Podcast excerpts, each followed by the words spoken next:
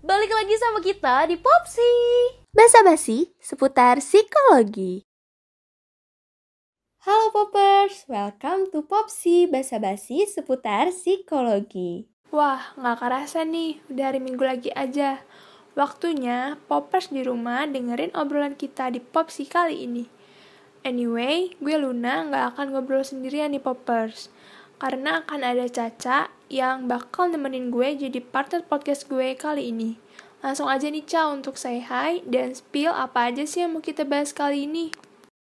Hai Luna, Alhamdulillah kabar gue baik dan semoga lo juga baik ya.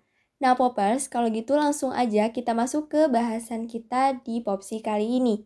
Tapi sebelumnya, kira-kira Poppers atau mungkin Luna udah ada yang pernah denger atau familiar gak sih dengan apa itu self-compassion?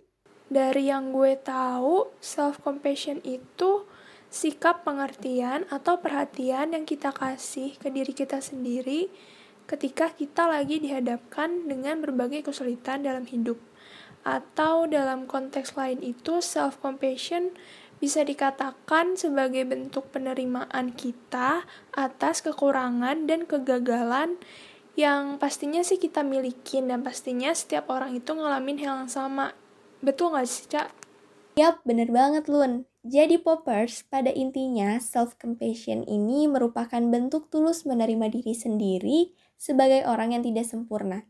Jadi, segala kegagalan atau mungkin kekurangan yang kita punya dan kita alami akan kita terima dengan pikiran yang jernih dan hati yang terbuka. Nah, ternyata hal ini juga termasuk ke dalam bentuk pengungkapan rasa sayang kita terhadap diri kita sendiri loh. Nah, tapi nih, Cak, buat ngebentuk si self-compassion ini, ada beberapa komponen yang sebenarnya saling berinteraksi. Di antaranya itu yang paling penting ada self-kindness, common humanity, dan mindfulness.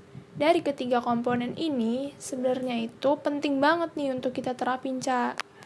Setuju banget, karena dengan self-compassion ini kita akan lebih mengenal dan juga menyayangi diri kita sendiri pastinya. Dan mungkin hal ini juga bisa ngebantu seseorang dalam memotivasi dirinya untuk bisa memperbaiki hal-hal yang sekiranya masih bisa dirubah ke arah yang lebih baik lagi. Bener banget tuh, Ca, apa yang lo sampaikan tadi.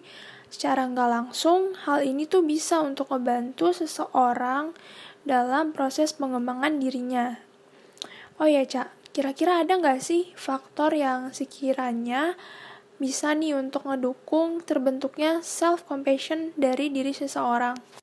Pastinya ada, Lun. Nah, untuk faktor yang pertama ini cukup menarik banget ya. Karena ternyata berdasarkan penelitian, gender juga menjadi salah satu faktor pembentuk self-compassion.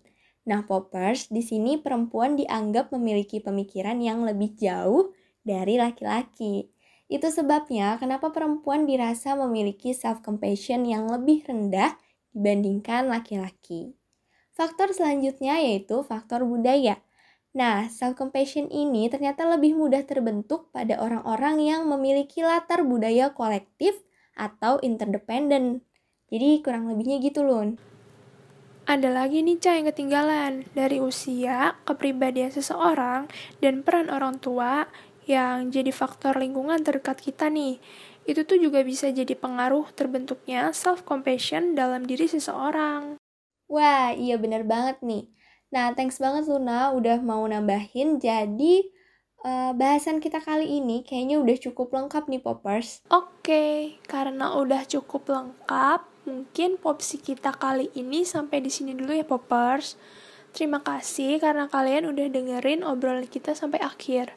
Dan thanks juga buat Caca yang udah jadi partner Popsi gue kali ini. Thank you juga Luna. Nah, buat Poppers, jangan lupa buat selalu dengerin Popsi di IGTV Psycho Square atau di Spotify Psycho Square ya. Buat yang belum follow juga wajib follow IG Psycho.square karena di sana banyak informasi menarik seputar psikologi. Kalau begitu, sampai ketemu di Popsi selanjutnya.